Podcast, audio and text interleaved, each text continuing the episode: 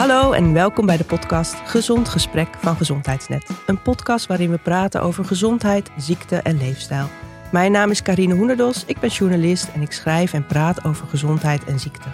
Gezond Gesprek is de podcast van gezondheidsnet.nl, de nummer 1 website in gezondheid van Nederland. Over elke podcastaflevering kun je een artikel teruglezen op de website. In deze aflevering praat ik met de enige echte smaakprofessor van Nederland, Peter Klossen. Het onderwerp van vandaag is dus smaak. Wat is het en wat betekent smaak voor onze gezondheid? Welkom Peter. Wat fijn dat je er bent. We kennen elkaar al best wel lang. En ik vind jouw ideeën over smaak en over gezond eten altijd heel inspirerend. Daarom ben ik echt blij dat jij vandaag de gast bent. Nou, graag. Ik ben ook blij dat we hier zijn. Dat Ja. ik met jou een gesprek mag hebben hierover. Nou, leuk. Het wordt Ja. vast leuk. Ja. Laat ik je even introduceren voor het publiek. Ehm, jij bent een meneer die jarenlang de scepter heeft gezwaaid over de Echo Put. Ja. Een heel beroemd hotelrestaurant in Hoogsoeren op de Veluwe. Ja. Echt een aanrader trouwens, mensen. Eh, je ouders zijn ermee gestart. Jij bent, was de tweede generatie en nu heeft jouw zoon het overgenomen. Ja, meerdere zoons. Meerdere zoons. Ja, ja, ja. Dat We zijn, we zijn in de derde generatie. Ja, de derde generatie, wat, wat ik altijd heel mooi vind. Je bent oprichter van de Academie voor Gastronomie. En eh, in 2004 promoveerde je op smaak aan de Universiteit van Maastricht bij gezondheidswetenschappen. Nou, sindsdien ben je dus de smaakprofessor. Ja. En nou, ik weet niet precies wat je allemaal nu nog doet, maar je geeft in ieder geval colleges. Eh, je wordt ingehuurd door tal van partijen om mee te denken over smaak.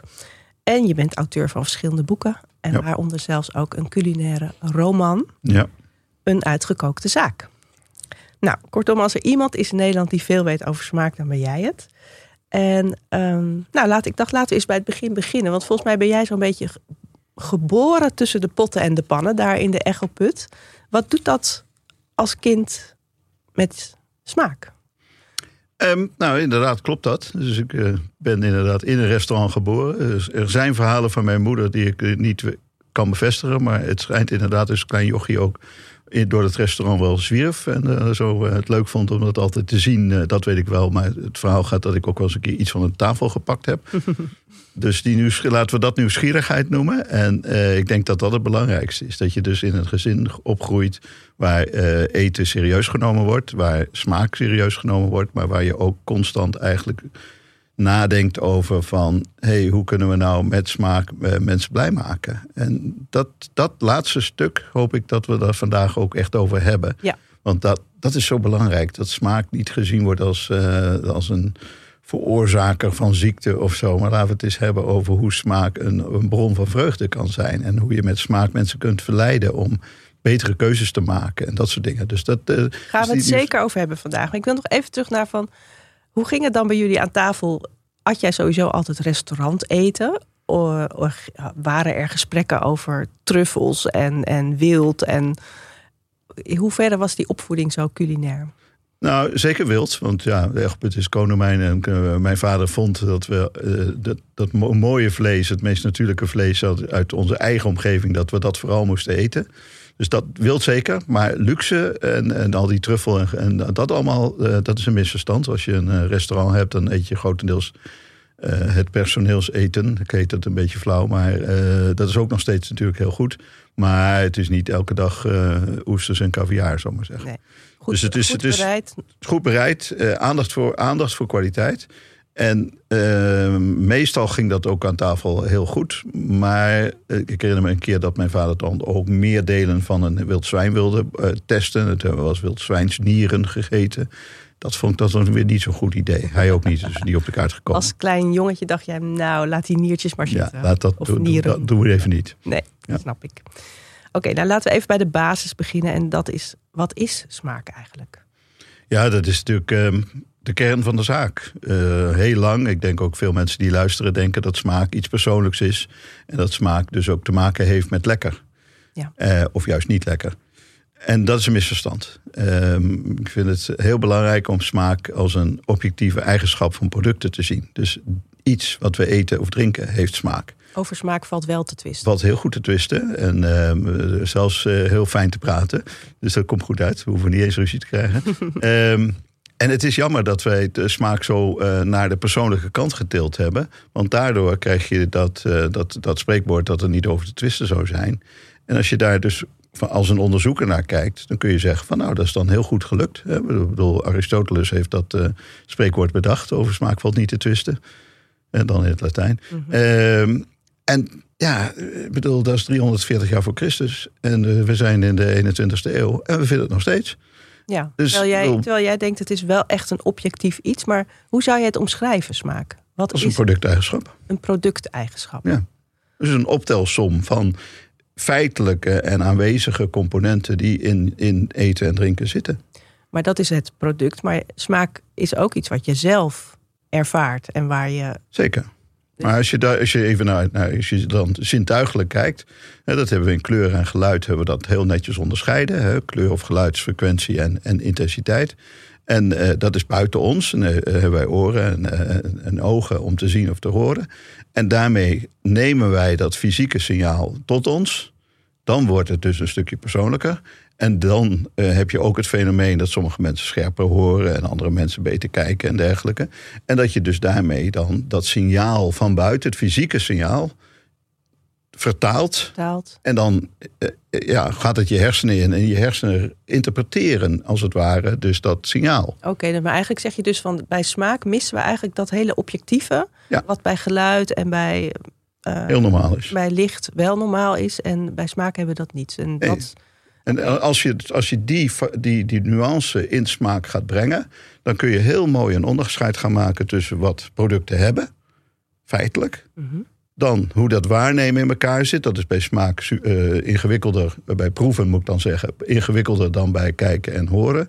Bij kijken en horen heb je, dat zijn monozintuigen, je oren en ogen. Dat is één ding. Uh, bij smaak is het multisintuigelijk. Hè. Je neus, geur doet mee, gevoel doet mee. Uh, dan heb je die, die smaaksensoren natuurlijk, die uh, vroeger basissmaken genoemd werden. En dan vervolgens krijg je ook nog wat we zien en wat we weten en wat, nou, enzovoort, wat we horen. Telt ook allemaal nog mee. Ja. Dus het is, smaak is, proeven is dus wat dat betreft veel multisintuigelijker. En daarmee ook ingewikkelder dan, dan zien en horen. Maar ja, goed, dat, dat hoeft verder nergens uh, niemand te belemmeren. Complexiteit heeft de wetenschap nooit echt in de weg gestaan. Nee, dus wat nee, dat betreft dat, is dat, geen reden om het maar niet te doen.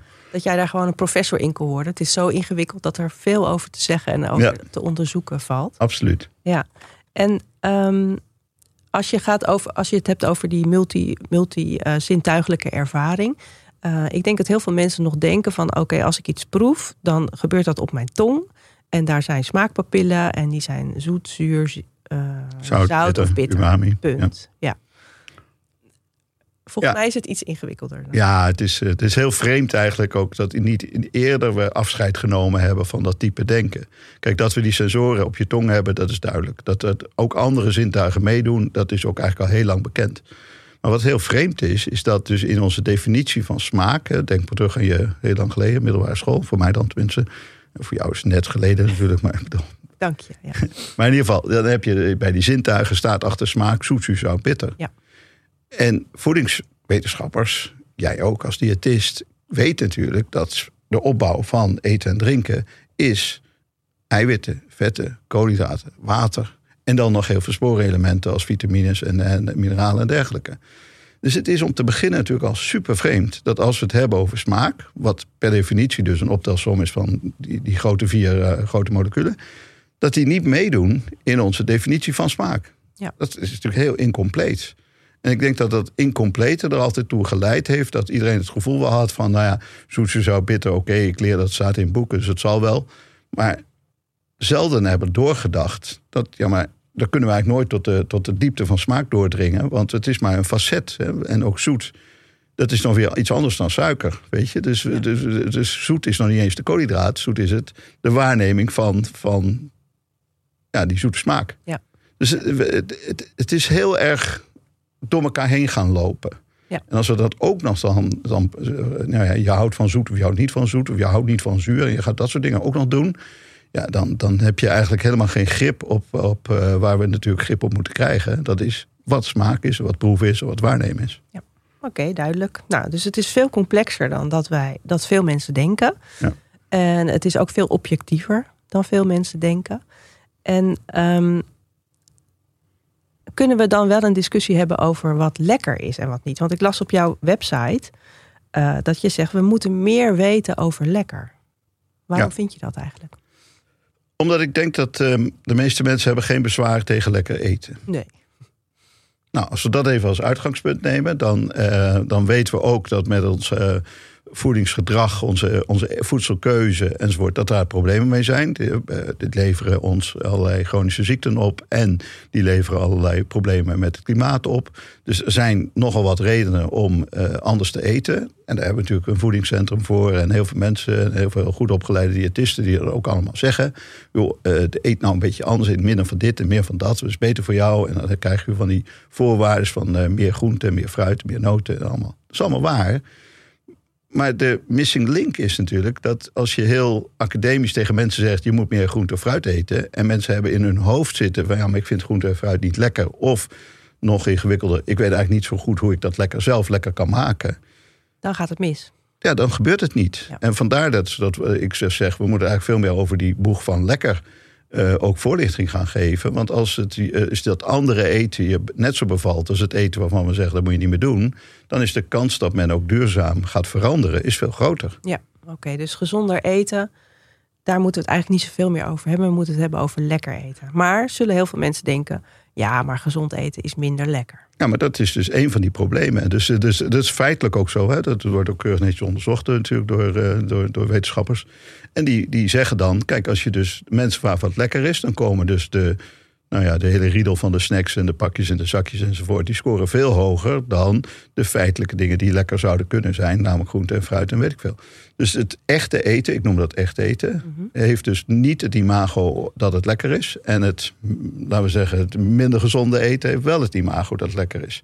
Dus als ik het heb over we moeten veel meer van lekker weten, gaat het daar ook over. Dat we dus moeten proberen die shift te krijgen. Dat we bij groente en fruit denken van oh yes, oh wauw, mag ik alsjeblieft een mooie bloemkool eten vanavond? Ja. En ik weet ook hoe die bloemkool zo lekker mogelijk gemaakt kan worden. Dan maken we natuurlijk hele grote stappen vooruit. Ja. Dat gebeurt nu niet.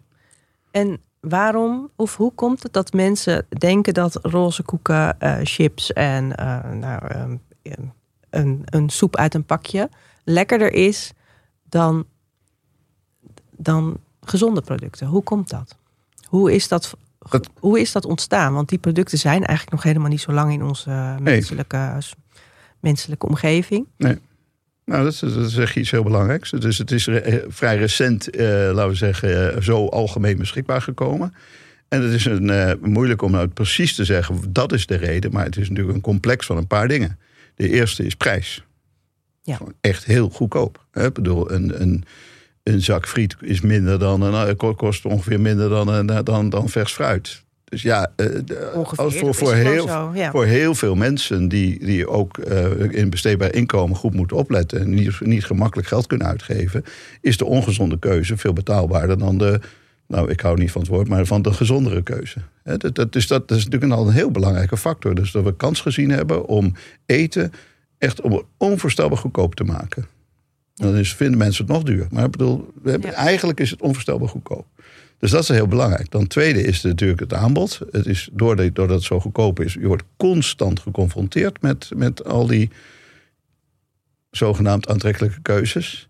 En het laatste is de meest complex, meest verklaarbare en de echte reden, de voemelijk, maar de minst, minst te, te, pinpointen. En dat is dat men in die industrie natuurlijk ongelooflijk goed uh, neuroscience heeft bedreven en heel goed weet wat, wat, wat, we, wat ons triggert. Ja, precies. En als je, Want als het helemaal overal goed verkrijgbaar zou zijn en goedkoop zou zijn, maar niet lekker, dan gebeurt het niet. dan gebeurt het niet. Dus Nee. er is ook iets in die industrie Ja. die weten precies hoe wij wat, wij lekker vinden. Wat we lekker vinden. En dat is met, met, ja, met ingewikkelde statistiek, maar ook met, met heel zorgvuldig en heel veel geld. Eh, ik bedoel, die industrie heeft veel meer onderzoeksgeld dan eh, alle universiteiten opgeteld. Dus ja, eh, ze kunnen echt ook grotere, veel grotere stappen zetten. En zijn ook heel knap geweest, eer wie er toekomt. In het bedenken van, van, van juist die mixen van, van zout en zoet en zuur. Ja. En, ja, precies dat. Is dat dat dan? bliss point? Ja, ja, bliss point. Dus ja. Zo heet het dan. In een bepaalde statistiek, con- conjoint analysis wordt dat dan. Het bliss Leg point eens uit, wat is een bliss point?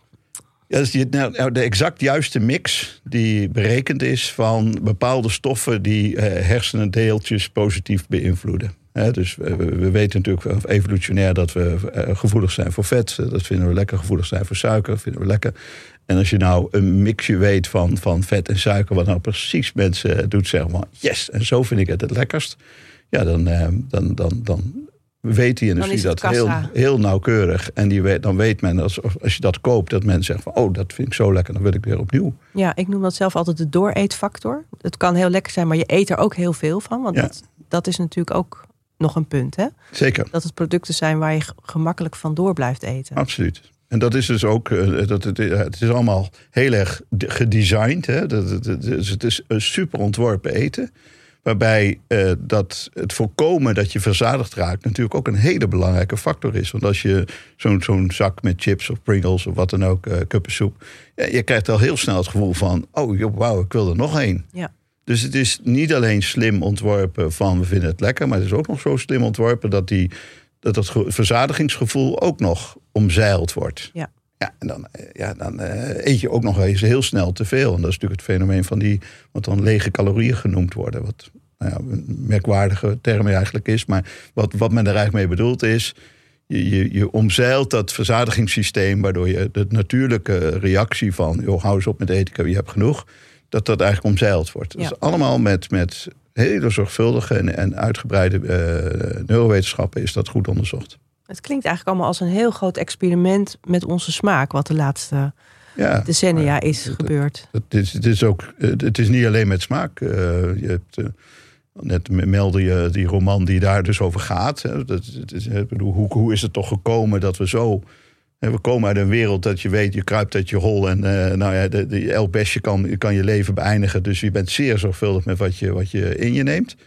Tot van, maakt helemaal niet uit, eh, eet maar en we, gaan toch niet dood. En als we er ziek van worden, is er wel een goede dokter die je kan helpen. Weet je? Dus het, is een heel, het, het hele fenomeen is enorm veranderd. En dat ja, het is inderdaad, je mag het zeggen, het is een reuze groot experiment. En het is ook eigenlijk heel vreemd dat we in veiligheid of, nou, of kijk nou met autorijden. Weet je, bedoel, op een gegeven moment begon iemand te roepen van, hé, hey, je moet een veiligheidsgordel aan. Ja, een keer is dat gewoon door de overheid gezegd van, ja, wacht, voor, we, kunnen niet hebben dat dat iedereen door de, door de vooruit vliegt. En daar krijg je veel te veel ongelukken van en veel te veel uh, schade. Dus uh, hup, allemaal een, auto, een, een autogordel.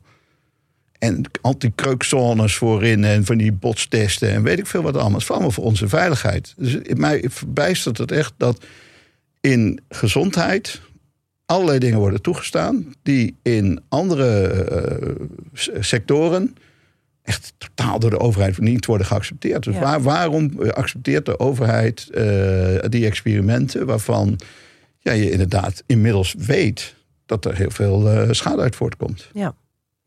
Ja, we hebben hier al eerder ook Jaap Seidel gehad, die, die hier ook over had, over het voedselsysteem, dat het echt niet klopt. En jij benadert het dan vanuit smaak.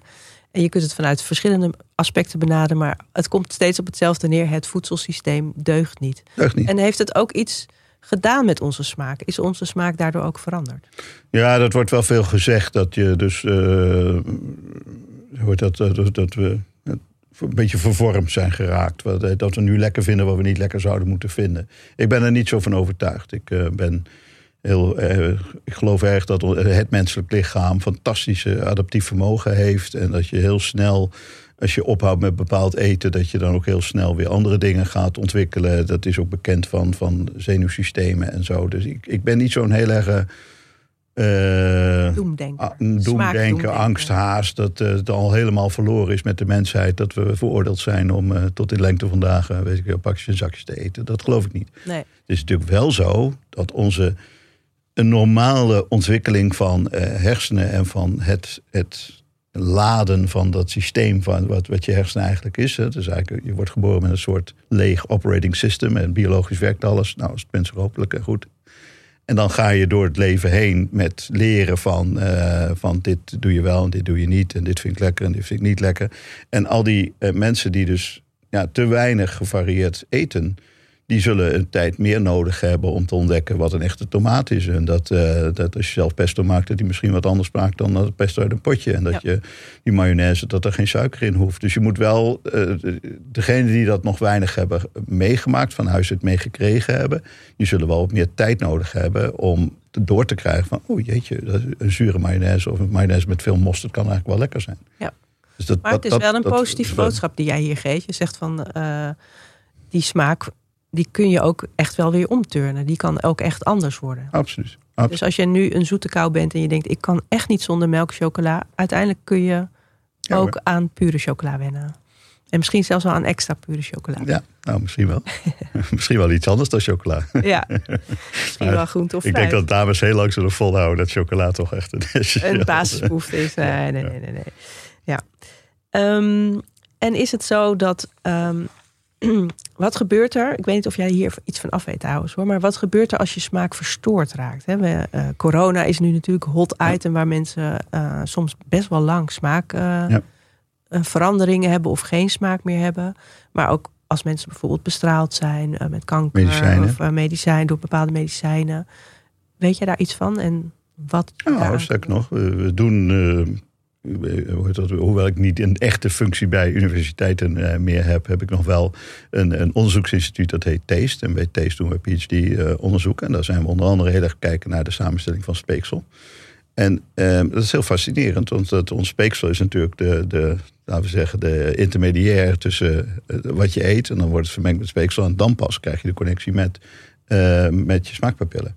Dus als er iets in dat speekspel verandert, eiwitsamenstelling of dergelijke, dan verandert natuurlijk ook die waarneming. En daar uh, zijn we behoorlijk veel mee bezig zelfs. Omdat uh, ja, het blijkt dus een enorme invloed te hebben op het, het waarnemen van eten. En dus het lekker vinden van eten. Ja, en ook op de kwaliteit van leven, toch? bedoel... Zeker, ja. zeker.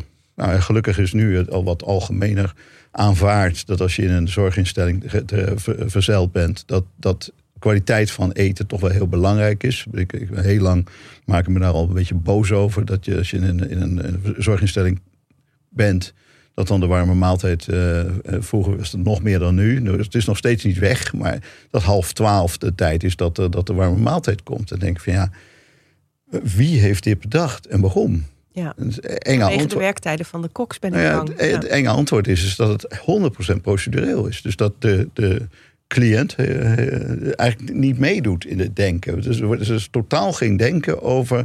Goh, hoe kunnen we nou het leven van deze mensen uh, zo, zo fijn mogelijk maken? Hoe kan ik nou ze verwennen met iets lekkers? Hoe kan ik nou... Hè, wat vind jij fijn om te eten? Ik denk, als je mensen op straat gaat vragen... Ik heb het vaak in colleges gevraagd van... Hoe, van ja, hoe laat, gaan we hoe laat denk je dat de warme maaltijd geserveerd wordt? Nou, de mensen die heel, heel denken van het zal wel erg zijn, die zeggen vijf uur middags. Maar niet om half twaalf. Maar niet om half twaalf. En dan moet de hele dag nog door. Hè? En dan krijg je s'avonds nog een keer zo'n zo'n boterham met, met, met kaas in plastic. En denk ik van ja, waar, waar gaat dit over? En als we dan ook weten dat, dat voeding zo essentieel is voor voor welbevinden, voor herstel, voor, voor nou ja, ga maar dat door. Dat bedoel, heel veel voorkomt in instellingen. Ja, het zijn bouwstoffen van, van alles, toch? Ik bedoel, ons lichaam heeft uh, in 36 dagen of zo uh, is er weer een nieuwe jij. De, al je cellen weer vernieuwd. Ja, dat, daar heb je toch goede voeding voor nodig om dat hele proces goed op de been te houden. En dan gaan we juist bij mensen die het meest nodig hebben, gaan we bezuinigen op eten. En dan eh, meer pillen betalen. Dat is dan de, dan de consequentie. Dit, heeft me ook altijd verbijsterd dat we wel bereid zijn om aan, aan artsen en aan behandelingen en aan pillen en aan weet ik veel wat. Dat, dat mag allemaal geld kosten. Maar de maaltijd is in, geloof ik, in vier, vijf jaar van was 7 euro per dag. Dat is al weinig. Jou en ik, maar ons lukt dat niet voor 7 euro per dag, maar goed, oké. En dat is dan gedaald hè, de afgelopen jaren naar, naar ik geloof 2,80 euro. Dat is de totale, totale kosten van de maaltijd op een dag. De warme maaltijd alleen of alle Alles. maaltijden? Alle maaltijden. Ja, ja dat is. Dat ja, ja, dan, dan, als je dat weet, dan is toch de, de, alle gesprek houdt dan toch ook op. Zo, ja, oké, ja, dan moeten we maar accepteren dat die mensen inderdaad niet zo goed in hun vel zitten. En dat ze. Uh, nou. En wat kan jij hier aan doen als smaakprofessor? Sowieso, ik denk ik dat een, uh, ik vind het een leuke vraag. Er zijn twee, zijn twee dingen namelijk. De eerste is um, iets dat we ontwikkeld hebben, dat heet smaakcheck. En dat is nog steeds een beetje een, een- iets dat nog, nog beter kan. Ik heb een student van Maastricht, de masterstudent, heeft er al goede stappen in gezet. Maar je kunt het vinden op de website, maar dat nog een oudere versie, smaakcheck.nl. Wat Smaakcheck doet is, mensen vragen naar hun voorkeur. En de voorkeuren van nu. Dus als die veranderd zijn door medicijnen, ingrepen, wat, er- wat dan ook.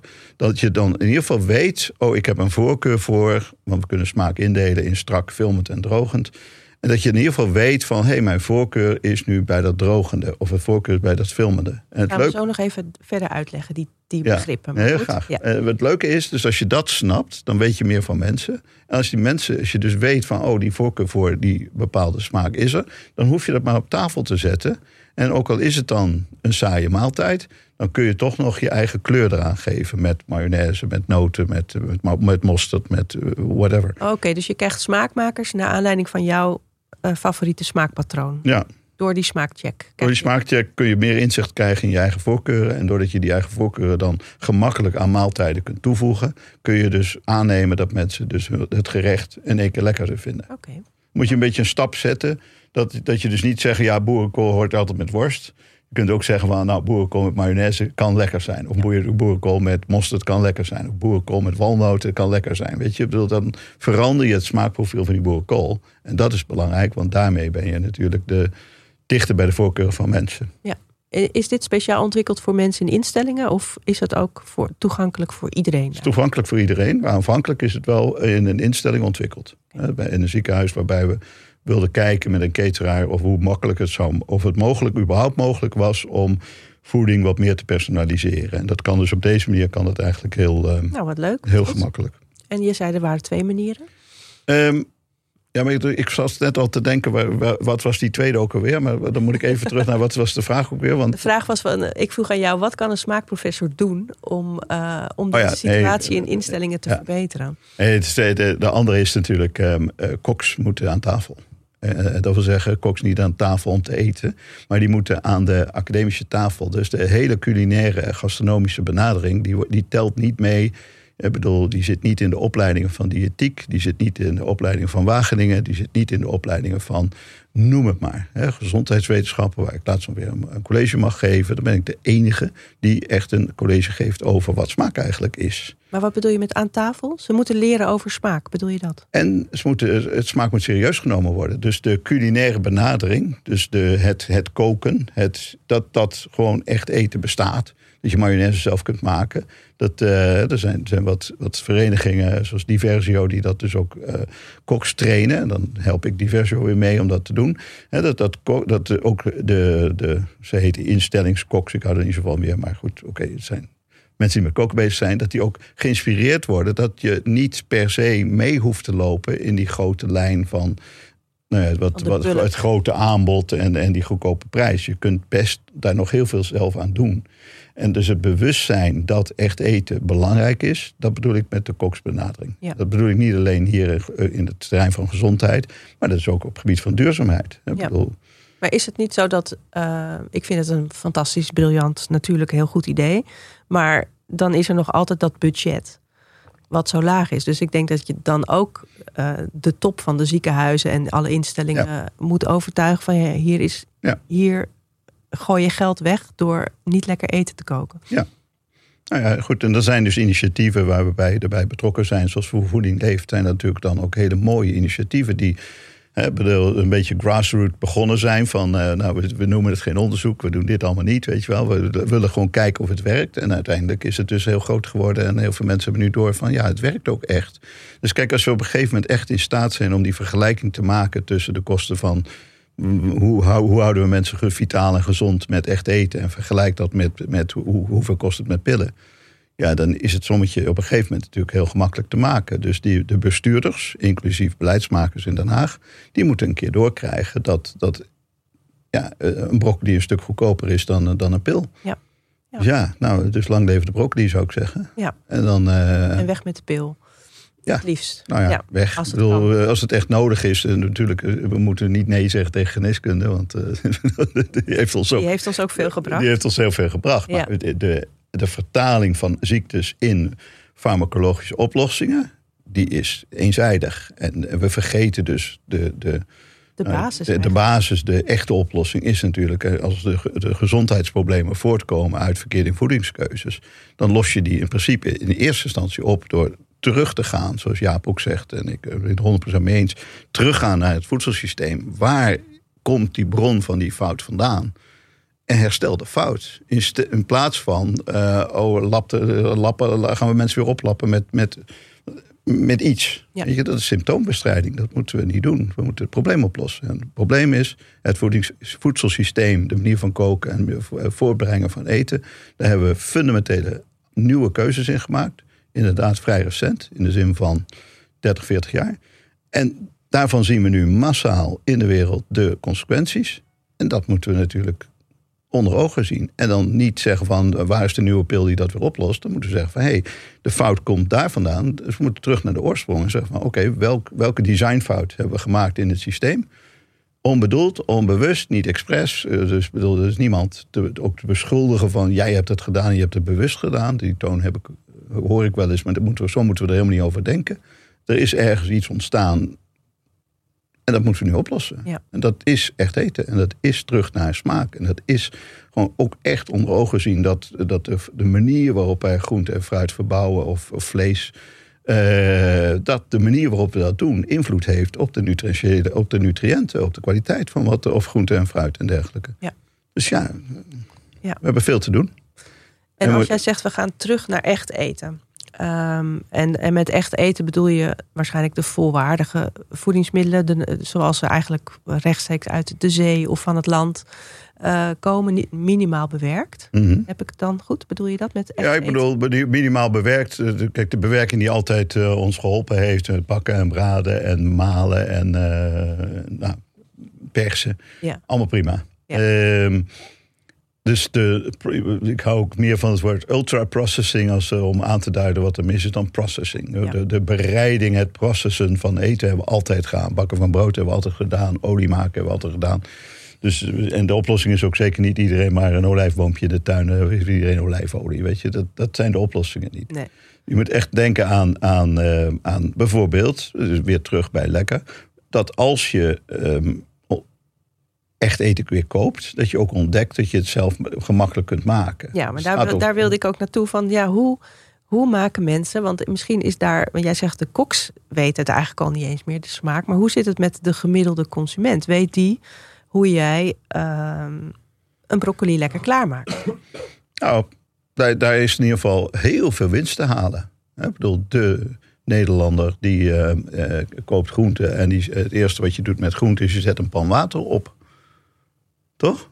En dan gaat die plonsje dan die broccoli in of zo. Ik heb wel eens gezegd, uh, het zou verboden moeten worden. Ja. Dus niet in water koken. Dus stel je voor dat je met je koopt mooi vlees en dat het eerste wat je doet is je, je zet een pan water op om de biefstuk in te gooien. Ja, dat is zonde. Ja, ja. Maar bedoel, waarom is dat dan zonde? Het is hitte en de, je gaart die eiwitten. Dus bedoel, waarom is het dan zonde? Nou, het is zonde omdat in die, in die oven daar ontstaan, of in die bakpan, daar ontstaan extra smaken. Dan krijg je baksmaken, je krijgt krokante kostjes, je krijgt uh, wat dan het Maillard-effect heet en zo. Nou, dus dat zijn culinaire dingen. Dus een bloemkool in de oven kost evenveel tijd, maar is veel smakelijker. En zeker als je dan nog wat, wat uh, mooie uh, tijm of wat noten of wat uh, een beetje voor mij uit kurkuma. Of, ik bedoel, er zijn zoveel dingen die, heel, die helemaal niet duur zijn. Die broccoli, of die broccoli of die bloemkool is ook niet duur. Dus zet die oven nou aan. snijd die, die, die roosjes van, en, en gebruik vooral ook de stam. Want het is ook doodzonde om bij een broccoli en die weg te gooien. Dat is ook zoiets raars. Maar weet wel alleen maar die die roosjes. Die, die roosjes en die hele stam gooi je, weg. En dan natuurlijk ook een bekend verhaal is: ga je broccoli in het water koken en dan is die, het water is groen. Ja, dat gooien we dus dan weg. Ja. En laten we eens ons de vraag gaan stellen: dat groene, wat is dat eigenlijk? Zouden er per ongeluk dingen kunnen zijn die goed voor ons zijn of zo, die dus nu weggegooid worden en niet meer in de broccoli zitten? De, de vraag stellen is een beantwoorden, ja. Toch? En dat is ook waarschijnlijk smaak. Natuurlijk is dat smaak. Ja. En ook hoe we die broccoli telen is natuurlijk smaak. En rassen en variëteiten hebben natuurlijk ook altijd een rol gespeeld in smaak. Ja. Dus dat massale grote voedselsysteem, wat, wat wel voordelen heeft, maar heeft ook nadelen. Regionaliteit is weg, uh, de relatie bodem uh, en variëteit is verdwenen. Ehm, er zijn allerlei teeltmethodes gekomen die de bodem verarmen, die biodiversiteit ver, verkleinen, die uh, micronutriënten en dergelijke allemaal vernietigen. Dus ja, we moeten veel breder ook en veel systemischer naar het hele voedselsysteem kijken. Ja. Maar ik kom toch nog even terug naar die, naar die keuken van die consument. Want ik denk dat die, die heeft een beetje hulp van jou nodig. Ja, die heeft hulp. Dat, dat noem ik dus die culinaire benadering. En jij zegt dus al van, nou oké, mensen begin met de groenten niet meer in water koken. Ja, bakken. Bakken. Bakken, grillen, uh, oven. Uh, alle, allerlei dingen die met, met, met, zeg maar, niet met water te maken hebben. Ja. En dan ontdek ook dat uh, ja, natuurlijk zijn uh, sommige sausjes heel erg lekker. Bij de bloemkool kennen we de bloemkoolsaus. Maar men denkt nu weer dat die bloemkoolsaus... dat je dat in een zakje moet kopen. Want dat zal wel een ongelooflijk ingewikkelde saus zijn. Maar dat is natuurlijk niet zo. Ik bedoel, het is, het is een van de meest eenvoudige sauzen die er is. Ik bedoel, je hebt uh, bloem en een beetje boter... en je maakt er een papje van... en je gooit er een beetje melk op uh, en je laat het even koken... en je hebt een bloemkoolsaus. Ja. Uh, dat, dat, dat, kan iedereen hoor. En dat is, dat is dus een beetje het punt dat we bij koken eigenlijk kwijt zijn hoe gemakkelijk het is en hoe, hoe snel het gaat. En hoe, dat het ook echt goedkoop is, weet je. En het, waar, waar jij en ik dan, dan gevoelig voor zijn, is als je zo'n pakje met bloemkoolsaus uh, goed leest en je deed het etiket. Dan zie je daar iets van, van uh, ik geloof 5 gram zout pp. Hè? Dus een portie. Ja, hè? Dus 26 ingrediënten. Terwijl het... Nou ja, dat. Maar ook die hoeveelheid zout. De, hoeveelheid zout die alleen al in zo'n zakje zit, die is zoveel meer dan, dan je, als je normaal vers zou koken. Die, die krijg je überhaupt niet weg. Dus die leegheid, waar we het aan het begin ook straks even over hadden, die vertaalt zich ook dat je zoveel extra dingen als zout en gistextract en al die andere grondstoffen nodig hebt om, om maar iets van smaak te bereiken op een manier dat we zeggen, oh dat is lekkere bloemkoolsaus. Ja ga terug naar die basis. Ontdek dat het heel makkelijk is en ontdek dat je het heel makkelijk zelf kunt doen. En dat is het punt. We, zijn dus bij, bij koken, eh, ja, hebben we een soort verkeerd idee gekregen dat het eh, allemaal ongelooflijk ingewikkeld is, heel duur en vooral heel tijdrovend. Ja. Ja, en dat zijn natuurlijk zaken die, uh, die, die ons op een subtiele manier door de industrie verteld zijn. We zijn ons is aangepraat dat koken ingewikkeld en duur en, uh, en tijdrovend is. In vijf minuten wat lekkers op tafel en zo. Dat zijn van die subtiele reclameboodschappen die we allemaal ja, zijn gaan geloven. Ja, terwijl je, je ook kunt afvragen waarom is het zo belangrijk om weinig tijd te besteden aan koken? Ja, nou ja, bedoel, nog even los van of het waar is of niet, maar inderdaad ja. dat. Als je dus je realiseert van, ja, god, koken kan toch een plezier zijn. Ik bedoel, ook heel veel ja, mensen die hard werken en allebei een baan en dan uh, kinderen van school en van de oppas en ja, jeetje enzovoort. Ja, dan krijg je zo'n cultuur in huis van, nou, ik moet het wel uh, even, even snel een pan water en een beetje, beetje poedertje bij en uh, dan uh, zijn de kinderen weer rustig. Maar dat is eigenlijk heel jammer, want je zou ook de kinderen kunnen meetrekken in het hele verhaal. Er zijn ook mensen die door de week het heel druk hebben, maar juist het weekend heel veel tijd hebben. Nou, koken kun je ook in het weekend doen en in mooie bakjes en koel bewaren en, en dus voorbereiden. En dan zeggen we, nou doen we dat op woensdag en doen we dat op donderdag. Ja. ja. En het voordeel van zelf koken is natuurlijk ook dat het niet elke dag hetzelfde smaakt. Ik weet nog dat ik als kind kregen wij volgens mij elke dag appelmoes. En op een gegeven moment ging ik voor het eerst zelf appelmoes maken. En ik was geschokt door het feit dat die gewoon elke keer anders smaakte. Ja. Terwijl ik altijd gewend was dat appelmoes altijd exact hetzelfde smaakte. Wat natuurlijk heel raar is. Ja. Ja. ja. Eh, allemaal van dat soort dingen. En dan krijg je dus fascinatie. En dan, dat, dat, jij weet het nu nog, dus het heeft je blijkbaar gefascineerd dat, dat, dat iets een, een, nieuwe smaak heeft. Terwijl toch de appel nog steeds appelmoes heet. Ja, nou het fascinerende was eigenlijk meer achteraf gezien dat die appelmoes uit het potje altijd hetzelfde smaakte. Ja, precies. Ja. maar goed, dat, dat is dus een ontdekking. En dat is iets waarvan je dus later uh, blijkbaar uh, bent gaan waarderen om daar waarde aan te, aan te hechten. Ja. Nou, dat, dat zijn zaken. Als je dat dus inderdaad niet meer ontdekt en niet meer uh, de moeite neemt om dat te ervaren, ja, dan, dan ja. mis je dat ook helemaal. Het fenomeen is ook dat sommige dingen in de oven tijd hebben. Dus hebben nou dat, eh, een lasagne of een, een, een of zo. Mooie, mooie bereiding die, die in de oven moet plaatsvinden. Dan zeg ja, dat doe ik niet. Dat kost veel tijd. Het gekke is, je zet de oven aan, je zet die schaal in de oven. En dan ondertussen ga je een kookprogramma kijken. Weet je, ik bedoel. kookprogramma ook, ja. zijn, zijn we die rare dingen? Dat in jouw tijd dat iets in de oven Ja. staat. Ja, Dus ja. Gebruik die oven veel intelligenter. Dat zou, Ja, dat zou mooi dat- zijn. Daar zou je veel meer mee kunnen doen. En heb jij het idee dat als mensen gezonder gaan eten, het zelf bereiden, of gezonder, nou, dat, ze die, dat ze die producten gaan gebruiken die onbewerkt zijn, en het zelf gaan bereiden en meer aandacht besteden aan dat koken en niet meer die broccoli in het water, maar even lekker in de oven doen of even bakken, dat, het dan, dat we dan vanzelf gezonder gaan eten ook?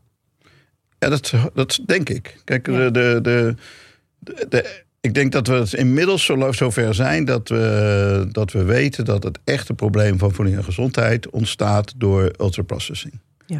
Dus niet per se door zout, niet per se door zoet, niet per se door vet. Dat zijn gevolgen. Maar de eerste echte reden is ultraprocessing. En daarmee hebben we ons zelf ook eigenlijk eh, helemaal in de, in de, hoe dat? Aan, de, aan de leiband gelegd van de industrie. En van de aanbieding en van de nou, enzovoort.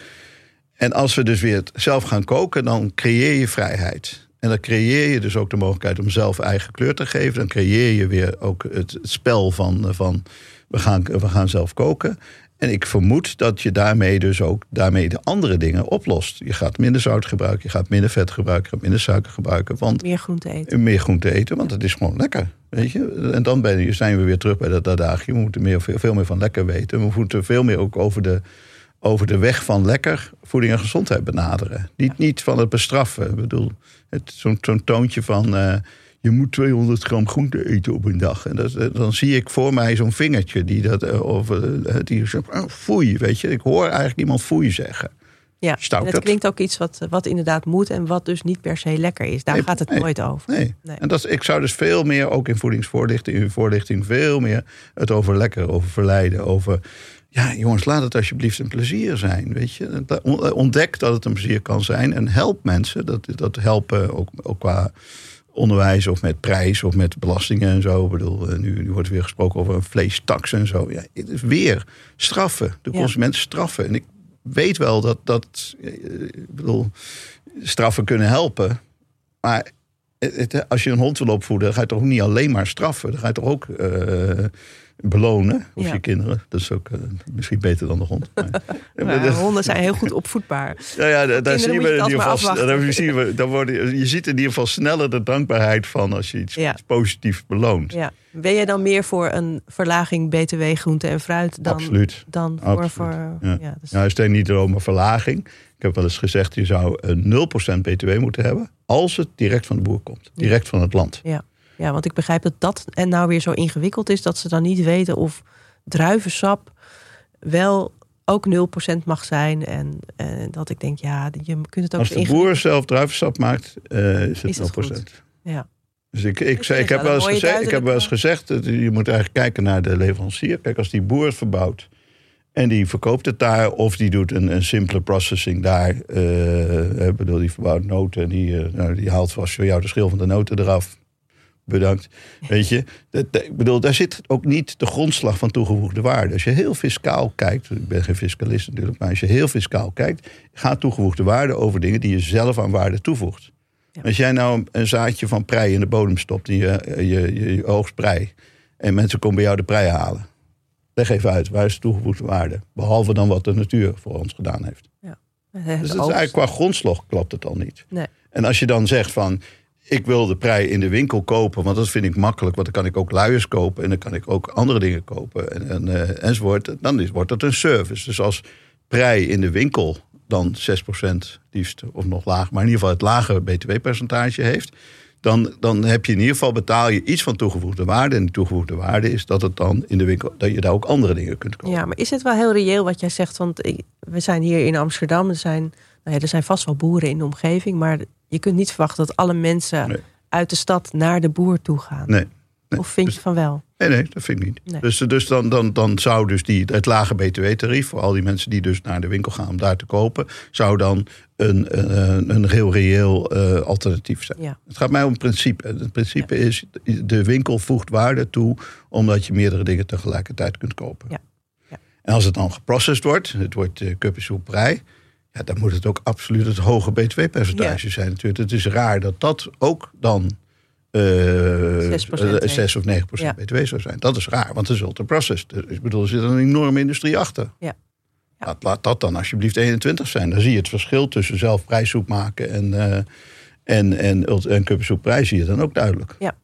Nou, ik ben het helemaal met je eens. Laten we dit doen. Ja. Morgen, Gewoon- overmorgen. één Bel jij even welke minister we moeten nu hebben? Dat weet ik weet ik Ja, even dat niet is meer. een combinatie van VWS en, Ja. en voedsel. En, Nee, maar kijk, ik, en, eh, we moeten ook in realiteit zeggen, daar lossen we natuurlijk niet alle problemen morgen mee op. Nee. Maar het begint wel met stappen. En nu hebben we het te maken met veel zaghebbers en overheden die zeggen van.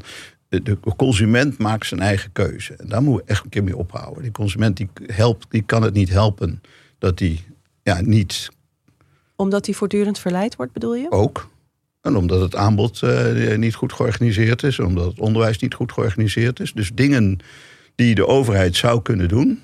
Die mag de overheid zo langzamerhand wel die verantwoordelijkheid nemen. Ja. Ik bedoel, als je wel je verantwoordelijk voelt voor de veiligheid van de burger. In de zin van politie en dergelijke. Dan is de voedselveiligheid in de zin van wat je eet. Hoe, hoe, hoe groot is die stap dan? Ja, en die voedselveiligheid die gaat in jouw optiek veel verder dan alleen maar kijken, zitten er niet te veel micro-organismen en gifstoffen in. Nee. Het gaat ook om, is, het, is dit... Is goed voor jou? Doe, doet het wat voor je lichaam? Ja. Nou, Ja. en dan, dan kom je bij die nutriënten. Bij echte voeding zit je aan het goede adres. Dus Ja. eh, laat, laat, ik vind dat de overheid. Ja, we, we hebben nu een jaartje of 20, 30 van het eh, gehad van eh, de, de consument moet zelf zijn keuzes maken. Ja, we, we zien dat het ver- ver- verkeerd uitgepakt heeft. Dus nu hebben we weer die overheid nodig die ook in de tijd chloor aan water toevoegt of eh, jodium aan zout toevoegde. Weet je? Dat zijn toch ook ingrepen die we heel normaal vonden en nog steeds doen. Nog steeds jozo zout met Ja. jodium. Nou, gelukkig wel. Want de dat consument eh, eet anders te weinig jodium en dan krijg je struma-problemen, weet ik veel. Dat, bedoel, dat, hebben we jarenlang heel normaal gevonden. Dus waarom vinden we dat nou in één keer abnormaal? Dat, eh, dat de overheid een rol heeft in, in onze gezondheid en die ons kan helpen. Nou, goed. Nog even één ding om het, om het verhaal even mooi rond te maken. Want we begonnen met jou als jonge knaap tussen de potten en de pannen. Ik denk dat heel veel mensen hier naar luisteren en denken van... eh, ja, alles goed en wel, maar mijn kind... die, eh, die houdt niet van broccoli. Ja. Of eh, die, die vraagt de hele dag om snoep. Hoe kun je kinderen opvoeden in smaak? Ehm, dat heeft natuurlijk om te beginnen heel veel met aanbod te maken. Dus als die koelkast, als daar eh, of eh, snoep in de pot, altijd snoep in de pot staat en er staat altijd cola in de koelkast, dan kun je niet voorkomen dat de kinderen eh, snoep en cola eten. Dus ik ben helemaal niet van de afdeling verbieden. Ik ben wel van de afdeling van heel gedoseerd aanbieden. En ehm, eh, zo gauw met te streng beleid wordt gevoerd van dit is niet goed, dit is niet goed, je moet dit, dan krijg je natuurlijk recalcitrante kinderen. Eh, die eh, vroeger ook geen stripboeken moesten lezen. Nou, die, eh, die, die, gaan, die gaan nooit echt boeken lezen, weet je wel. Ja. Dus ik, ik, ik denk dat het, het, het- we veel verstandiger daar ook mee om moeten gaan met, met, met wat, er aange, wat er is. En dan heel belangrijk vind ik dus dat kinderen betrokken worden in het hele proces. Ik, ik ken een kinderdagverblijf in Apeldoorn waar eh, hele jonge kinderen al meteen eh, meegenomen worden in we gaan pizza bakken. Weet je? En dat, ja, het is een soort tijdverdrijf. En die kinderen die gaan deeg maken en die gaan gezichtjes maken en die gaan, er zit een tuintje bij, gaan ze worteltjes oogsten. Het kan misschien ook weer elitair zijn, maar ik, ik ben ervan overtuigd dat als je al van jongs af aan betrokken bent bij je eten en hoe dat tot stand komt, dan vind je het ook leuker. En ik hoor terug van toen ik daar een keer eh, mee, mee sprak. Van ja, het leuke is, dan komen die kinderen, die zijn dan vier, en dan komen ze bij thuis en dan zeggen ze tegen mama van, goh, zal ik vanavond, zal ik vanavond gaan koken? Zo, Eh, dat kan dus, Ja. weet je. En, en ja, betrekken, enthousiasmeren, genieten. Dat zijn volgens mij de belangrijke woorden. En, ehm, ja, en ook accepteren dat, je, dat een kind niet alles lekker hoeft te vinden. Dan vindt iemand maar broccoli niet lekker. Nou, Ja. so what? Ja, er wordt al gezegd van je moet kinderen heel veel dingen laten proeven. Hè. Dat is, smaak is wel echt iets wat je, wat je aanleert. Maar geen issue van maken, dat is wat anders. Hè? Dus Ja. bij, bij de broccoli zitten, blijven zitten. En de broccoli is inmiddels koud. En alle kinderen zitten inmiddels achter de Nintendo. En eh, jij blijft aan tafel zitten omdat eh, je moet dat potje leeg eten. Nou, dat, dat is geen liefde, toch? Dan, Dat dan ga je eh, niet bevorderen dat Dan heb je een blijvende haat tegen broccoli Toch? ontwikkeld. Dat Ja. kweek je dan. Ja. Dus ja, ik bedoel, gewoon accepteren. Oké, je vindt broccoli niet lekker. Zullen we eens kijken wat je wel lekker vindt. Ja. Uh, misschien vind je het lekker om een bokkie te bakken. Of zullen we eens een keer pindakaas op smeren. Vind je het dan wel lekker? Weet je? Ik bedoel, doe gek. Oh, nou, ja, broccoli met pindakaas. Oh, ja, nee, dat, uh, wil, Ja. Begrijp je? We denken te veel ook in, in te normatief in koken ook. Met die recepten en zo moet je iets bereiden en zo. Als je nou begint met eigenlijk mag alles. Nou, dan krijg je volgens mij een hele andere houding ook met, met hoe iets moet smaken. Ja. Dat, dat die recepten en dat, dat, dat, die dwangbuis van recepten en dwangbuis van kookboeken en die dwangbuis van ja, uh, allemaal niet leuk is en uh, moet en het is. Uh, al het moet eigenlijk eraf. Die schil moet er eigenlijk zoveel mogelijk vanaf. Ja. Dan, dan hou je plezier en de kern van de zaak over en dat is gewoon lekker. Nou, dat is een heel mooi einde van deze podcast. De plezier en de kern van de zaak is lekker. Nou, ik denk dat een uh, podcast met een smaakprofessor niet beter kan eindigen dan dat. Dankjewel, Peter. Graag gedaan. Je luisterde naar Gezond Gesprek, een podcast van Gezondheidsnet. De gast van vandaag was Peter Klossen. Deze podcast werd gepresenteerd door Karine Hoenedos met producer Jonne Cerise. De Yearlings maakte voor ons de tune. Wil je meer weten over het onderwerp van deze, van deze podcast? Kijk dan zeker op gezondheidsnet.nl. En wil je reageren? Dat kan. Dat vinden we ook heel erg leuk. Je kunt reageren via vriend van de show, gewoon een high five geven, een opmerking achterlaten of een extra vraag aan de gast stellen. Alles kan.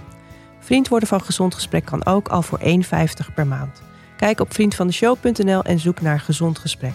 We zijn verder heel blij als je deze podcast deelt, bijvoorbeeld onder je vrienden of via social media. Dan kunnen meer mensen deze podcast vinden. Tot de volgende keer. Tot het volgende Gezond Gesprek.